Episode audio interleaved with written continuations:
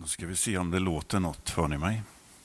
Jag var lite ivrig där så jag höll på att eh, kapa Magdalenas andra sång. Men eh, Kenneth stoppade mig. Roligt att få komma hit. Jag har ju inte kommit så långt. Jag bor i Håslet. Jag heter Björn. Eh, det är också roligt att komma till Norra Hammar. Eh, ni som är lite jämnåriga med mig, jag känner igen er lilla ansikten eh, när vi i vår ungdomstid, vilket är några år sedan, Eh, hade lite samarbete. Jag är uppvuxen i Andreaskyrkan på den sidan, numera Fjällstugan. Så. Vi, vi, jag känner igen er, vi är alla lite mer gråhåriga. Det är så det går. Ehm. Temat idag är påskens vittnen. Och texterna handlar om eh, olika personer som eh, möter Jesus efter uppståndelsen. Så jag vill läsa en av de texterna, ehm, en av de som ni har hört många gånger, men det är en av de vackraste tycker jag och det är en som har betytt mycket för mig själv. Det är från Johannes 21, vers 1-13. Sedan visade sig Jesus igen för lärjungarna vid Tiberias sjön. Det gick till så. Simon Petrus och Thomas, som kallades Tvillingen, Natanael från Kana i Galileen, Sebedaios söner och två andra lärjungar var tillsammans. Simon Petrus sa till de andra, jag ger mig ut och fiskar. Och de sa, vi följer med dig. De gick ut och steg i båten, men den natten fick de ingenting. När morgonen kom stod Jesus på stranden, men lärjungarna förstod inte att det var han. Och Jesus frågade, mina barn, har ni ingen fisk? De svarade nej, och han sa, kasta ut nätet på högra sidan om båten så får ni. De kastade ut nätet och nu orkade de inte dra in det för all fisken. Den lärjunge som Jesus älskade sa då till Petrus, det är Herren. När Simon Petrus hörde att det var Herren så knöt han om, Eh, knöt han om sig ytterplagget, för han var inte klädd, och hoppade i vattnet. De andra lärjungarna kom efter i båten med fångsten på släp. De hade inte långt till land, bara ett hundratal meter. Då de steg i land fick de se en glödhög och fisk som låg på den och bröd. Jesus sa till dem, hämta några av fiskarna som ni just fick. Simon Petrus gick upp på stranden och drog i land nätet som var fullt av stora fiskar, 153 stycken. Och fast det var så många så gick nätet inte sönder. Jesus sa till lärjungarna, kom och ät. Ingen av dem vågade fråga honom vem han var. De förstod att det var Herren.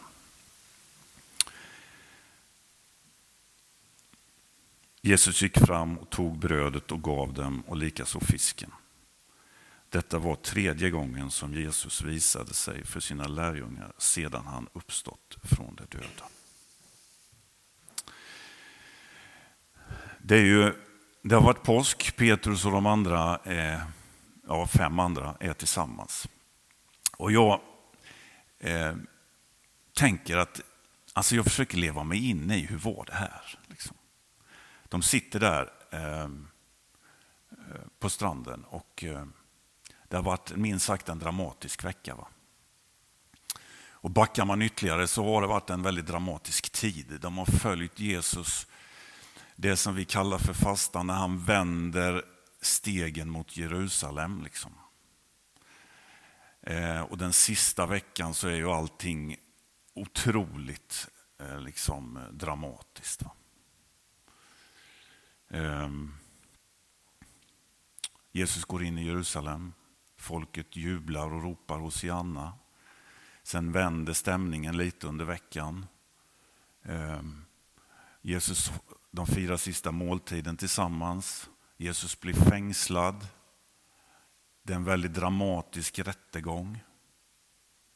Där det är otroligt mycket hat och starka känslor. Lärjungarna flyr, är rädda. De får till slut följa Jesus ut i korset där han till slut dör. Och sen när vi kommer in i den här berättelsen, då är det ändå så, då har det varit påskdag. Och det, nu är det tredje gången som Jesus visar sig för dem efter uppståndelsen. Och då tänker man så här, ja men nu vore väl allt frid och fröjd. Nej, alltså jag undrar det. Jag skulle vilja lyssna på dem när de sitter där vid stranden och funderar över livet. Ehm, alltså, jo, de hoppas nog. Petrus i det här fallet, han har ju sett Jesus först på påskdagsmorgonen när han och Johannes springer ut i graven. Ihop med kvinnorna, Maria och några till. Ehm, det var första gången Petrus mötte Jesus efter uppståndelsen. Sen har han varit med en gång till och det var när de i rädsla för förföljelse, i rädsla för judarna sitter bakom låsta, reglade dörrar som det står. Och Jesus går genom väggarna där och möter dem och visar Thomas sina sår i händerna och sådär. Då var också Petrus med. Men det är ju någonting som ändå är annorlunda. Va? Han, han verkar ha uppstått men han kommer och han lämnar. och i texterna så är det precis som att han har också någon annan gestalt. Va? Det är inte så att de direkt känner igen honom. Va? Även i denna texten är det så. Så, så hur är stämningen när de sitter där? Ja, i alla fall så tror jag det är så att de är i den här känslan som jag tror att du någon gång har känt. Det är att när vi är stunder i livet när vi känner så här, nu har jag faktiskt ingen aning om hur det här ska bli. Vi kan göra upp liksom tankar och vi tänker olika scenarion i livet och sådär. Men, men hur det blir, det inser vi, det har vi ingen aning om. Jag tror att de är där. Och då i det här läget när det någonstans är väldigt förvirrat och vi har ingen aning om hur det ska bli, i den osäkerheten, då säger Petrus något eh, som jag tänker ändå visar på någon slags styrka. Han säger, jag går ut och fiskar. Det vet jag. Va? Jag är fiskare. Det är åtminstone något jag kan. Va? Och De andra har inte direkt full sysselsättning heller, så de eh, hänger på. De ger sig ut och fiskar. Och så är det någonting i denna texten som jag tycker är en fantastisk mening. De ger sig ut och fiskar, de är ute hela natten. Och så står det, den natten fick de ingenting. Eh, det är också en mänsklig erfarenhet som jag inte vet om du har gjort. Men så kan det också vara. Den natten fick de ingenting. Då tänker man när Petrus är liksom, liksom emot det här motståndet av att nu är jag, har jag ingen aning om hur det här ska bli framöver. Eh, fiska kan jag så det gör jag, men den natten fick de ingenting. Alltså nu är det inte på topp om man uttrycker sig milt. Så, så som livet kan vara. Men det är då Jesus kommer. Och jag vill dela med er några tankar kring detta eh, och hur det här har att göra med att vi, och som, vi som personer och vi som kyrka på något sätt kan vara påskens vittnen. För det är efter den natten då de inte fick någonting som Jesus kommer på stranden och möter dem. Och Jag tänker det här om att, eh, att vara påskens vittnen. Jag kan direkt säga att ni kommer inte få ett sjupunktsprogram för hur ni ska bli effektiva evangelister. Det är inte min eh, grej att prata om sånt. Eh, det får ni söka er till andra sammanhang för att veta. Jag tänker att vara ett påskens vittne handlar mycket mer om vad vi är än vad vi gör. Påskens hela budskap med långfredagen, uppståndelsen, tänker jag, rymmer hela vårt liv. Och ju mer det får prägla oss, desto mer blir vi automatiskt vittnen om Jesus. Så tänker jag. Den här natten som de inte fick något eh, får ju vara en bild av det svåra i livet, av kampen, av mörkret, hur den ser ut. Jag behöver inte beskriva det. Eh, du har, eftersom du är människa, förmodligen erfarenhet av det. Och ett av de större grejerna som jag tycker, jag är inte så jättegammal, det beror på vad man jämför med, men någonstans utmed min eh, trosresa så har det här blivit viktigare och viktigare. Att vi alltid har någon som är med oss. Ehm, allt ryms i Kristus. Den natten fick de inget, tror jag är en rätt så allmänmänsklig erfarenhet ibland i livet. Jag hoppas att du inte känner det jämt, för då blir det tungt. Men att du har den erfarenheten tror jag.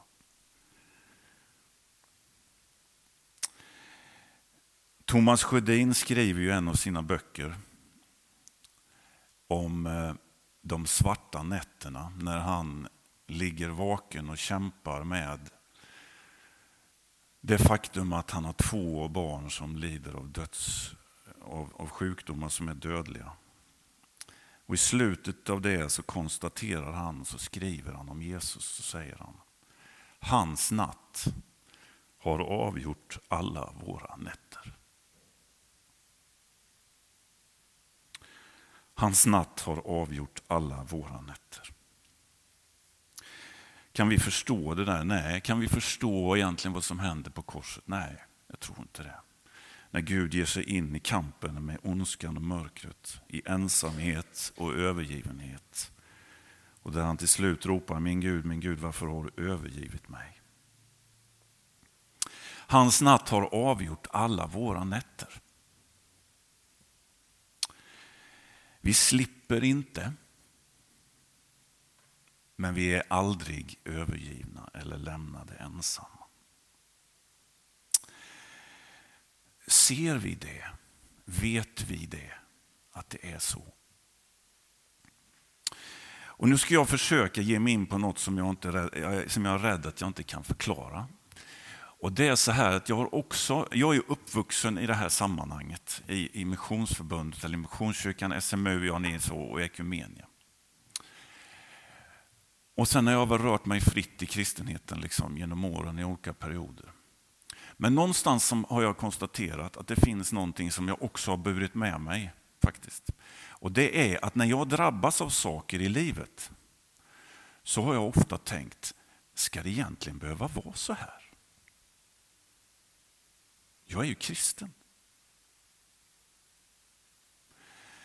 Ja, alltså det är det så att är man uppvuxen i Missionsförbundet och SMU så är det så att man är väldigt långt ifrån trosrörelsen om man uttrycker sig milt. Det vill säga att vi, vi tänker att vi genom vår tro, våra gärningar, våra böner, vårt rätta liv, våra rätta ord kan liksom styra Gud. Så är vi rätt så kommer välsignelserna och sådär.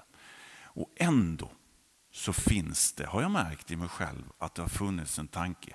Ska jag som kristen behöva egentligen vara med om det här? Och Ni kan lägga det på vad ni vill. Sjukdomar, framgång, pengar, lycka överlag. Ni behöver inte vara oroliga, jag är inte speciellt olycklig, men jag, alltså, så, jag lever ett fint liv, så ni behöver inte ta hand om mig, ni behöver inte vara rädda för det. Men jag bara tycker att det är spännande att vi väldigt har en tendens att tänka att det någonstans är så här, är det här verkligen rätt? Behöver jag som kristen egentligen behöva vara med om sånt här? Ska jag behöva det? Jag har ju Gud med mig. Mm.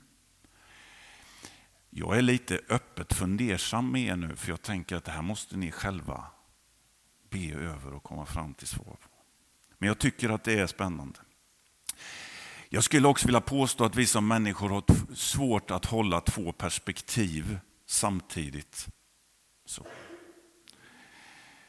Ehm, och jag vill citera Paulus i Filipperbrevet där han säger så här. Jag vill lära känna Kristus och kraften från hans uppståndelse.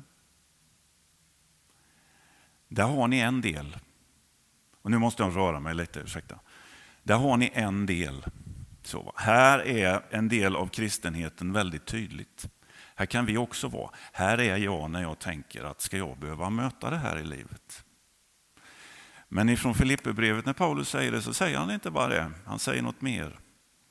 Jag vill lära känna Kristus och kraften från hans uppståndelse och dela hans lidanden, säger Paulus.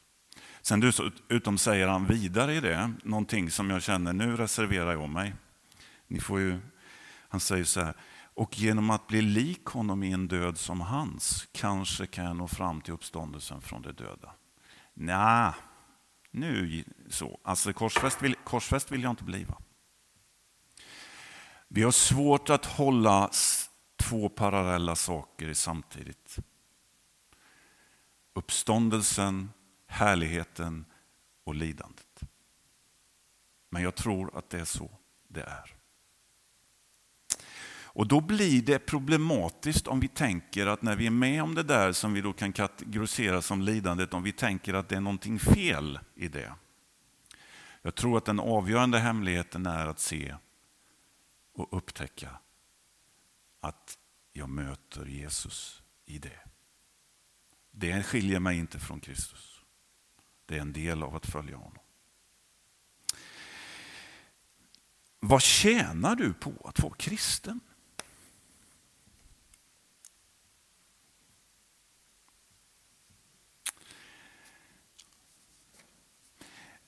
Vi ska ju vara vittnen. Vi ska sälja det här, hörni. Vi ska ju ha fått det uppdraget. va? Och Då behöver vi väl fundera på vad, vad tjänar du på det här så att du kan tala om det för folk då, så att de förstår att det här behöver de. Jag har egentligen aldrig kränkt grejer. Jo, jag har sålt fisk en gång, eh, ett tag på, på, på Västra torget när jag, jobbade, när jag gick på Kortebo Eh, för fiskarbröderna. Men annars har jag aldrig ägnat mig åt försäljning.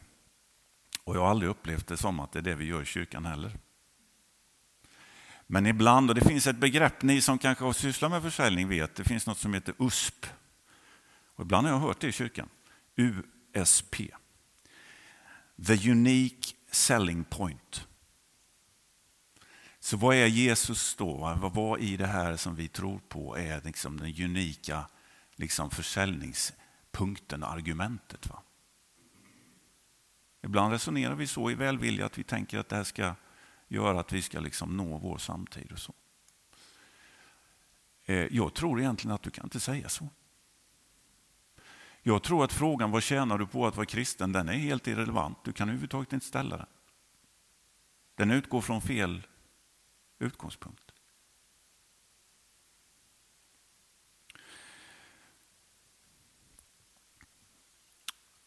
Men vi lever och är så otroligt präglade av den tid som vi lever i. Av att vad är det, vad finns det i det för mig? Vad tjänar jag på det här? Så. När det egentligen handlar om att om det nu, vi tänker oss att om det nu finns en Gud och den guden har förmedlat sig till oss. Visat sig, uttryckt, det här vill jag, jag vill ha gemenskap med er. Så handlar det mer om vad är vårt gensvar på det? Hur svarar jag på den inbjudan? Vad tjänar jag på det? Nej, det är liksom inte det det handlar om. Vad får jag ut av det? Ja, ja du kan, vi kan svara på det. Ni kan säkert svara på det allihop. Vad får jag ut av det här? Vad tjänar jag på det här? Vad ger det mig? Men huvudgrejen är inte den. Utan det är Gud finns och har kallat oss och väntar på vårt gensvar. Följ mig, ja vad händer sen då? Nej, det är inte det viktiga.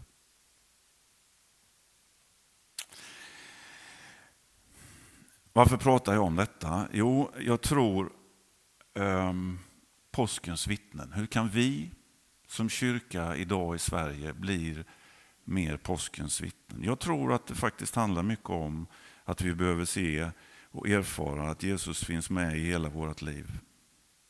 Jag tror också att vi som kyrka behöver bli lite mindre välputsat. Ungefär som min skjorta. Min fru sa på morgonen, Björn ska du ha de byxorna? Mm, jag behöver köpa nya byxor, jag vet. Men jag tänkte det får väl bli en bild på vad jag tror att kyrkan kanske mer behöver vara någonstans. Genom att vi gör erfarenheten av att Kristus är med oss i hela vårt liv. Även när det är där efter de nätterna där vi inte fick någonting. Och att vi där möter en uppstånden Jesus. såväl som i härligheten och i kraften. Så framförallt erfarenheten av att vi aldrig är övergivna gör någonting med oss i att orka möta de människor runt om oss som väldigt ofta, eller kanske som grund i livet känner, jag får aldrig någonting längre, jag har gett upp.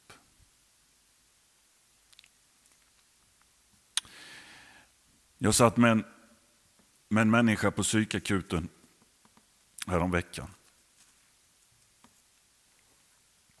Och nu behöver ni inte bli oroliga heller, jag blir alltid sån här, jag predikar. Men det finns en avgörande punkt i denna fullständiga hopplöshet hos människor som har gett upp.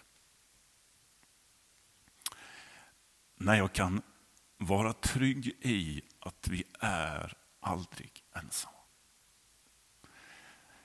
Den här människan som har gett upp, jag vet inte, förhoppningsvis så ljusnar det va? Men det gör någonting att jag känner, jag vet att Jesus är här. Det gör att jag orkar sitta där. Det gör att jag orkar vara i det mörkret med den här människan.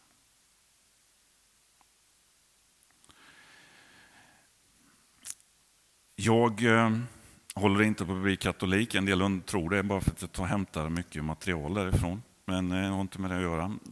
På eh, långfredagen så finns det en tradition som kallas för korsväsarandakt. Jag vet inte om ni har sett det. Det sändes på SVT från Rom nu. Används också av en del protestantiska kyrkor. Eh, där man helt enkelt följer Jesu väg till korset.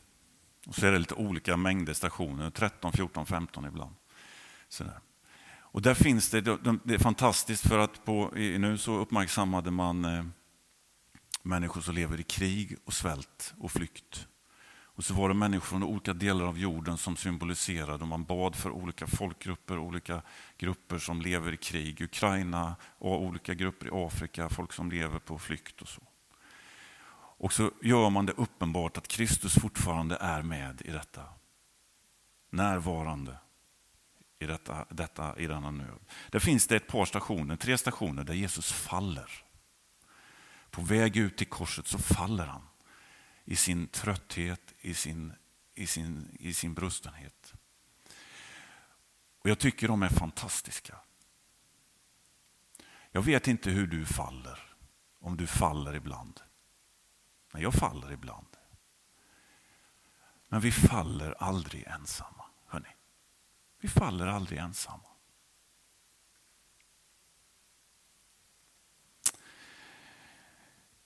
Hans natt har avgjort alla våra nätter. Nu då? Nu är det ju så. Vem är det lärjungarna möter den här morgonen på stranden? Hur är han? Liksom. Jesus kunde ju vara rätt skarp mot sina lärjungar. Så. Läser man evangelierna och inte liksom har den här gulleblicken på Jesus hela tiden så ser man att han, han blir rätt trött på dem ibland. Han blir rätt frustrerad på dem. Och han kan faktiskt också vara rätt skarp mot dem. Och man kan faktiskt ana någonting när han är på väg upp mot korset, mot, mot påsken här, så, så finns det tre förutsägelser om att korset kommer. Och han är som skarpast nästan mot dem i det. När de, liksom, de tror inte på att Gud ska behöva gå den här vägen. Messias kan ju inte vara någon som ska behöva dö på ett kors. Alltså de, då, och då är han rätt skarp mot dem. Så. Det vill säga när de säger så här, nej, nej, nej, nej. bara härligheten. va? Bara härligheten, bara det upphöjda Jesus. Inte det här andra. Då är han skarp mot dem. Jakob och Johannes har ju, en, har ju också en, en, en fantastisk där. De, de, eh, de säger ju till Jesus eh, eh, så här, ja, du Jesus, när du kommer med ditt rike, eh, hur vore det om jag och Jakob fick eh, eh liksom hedersplatserna? Så där, va? De tyckte att de hade varit lite vassare än de andra. Så. Och... Och så säger Jesus, man kan liksom höra hur trött han är på dem. Så säger han så här, ja hörni, alltså jag kan inte ge de platserna. Så. De är inte jag som utser. Så. Och sen får Jakob och Johannes, eller Jakob och Johannes se, liksom, en tid senare, när, när Jesus kommer med sitt rike och ger sitt liv i kärlek för att försona världen. Och så hänger det två rövare där. Så han, han kan vara väldigt skarp mot dem. Men nu då, i det här läget, efter natten när de inte fick någonting. Hur är Jesus då? Ja, vi vet ju inte så mycket. Han säger ju inte så mycket i texten. Men det är inga anklagelser. Han säger inte skärp er. Han är så varsam med dem. Han säger mina barn, har ni ingen fisk? Och Det är som att han, jag vet att ni har fiskat hela natten, men försök orka en gång till. Lägg ut näten igen så får ni. Och de får fisk. De är hungriga och frusna efter en natt på sjön och jag tror kanske den djupaste frusenheten handlar inte om kroppen och magen utan någon slags ovisshet inför hur ska det här bli? Hur ska det här bli? I det så möter han dem i något väldigt vardagligt. Han har tänt en eld så att de kan värma sig. Han har med sig mat. Och han säger kom och ät. Han håller inga förmaningstal. Han ger dem värme, bröd och närvaro.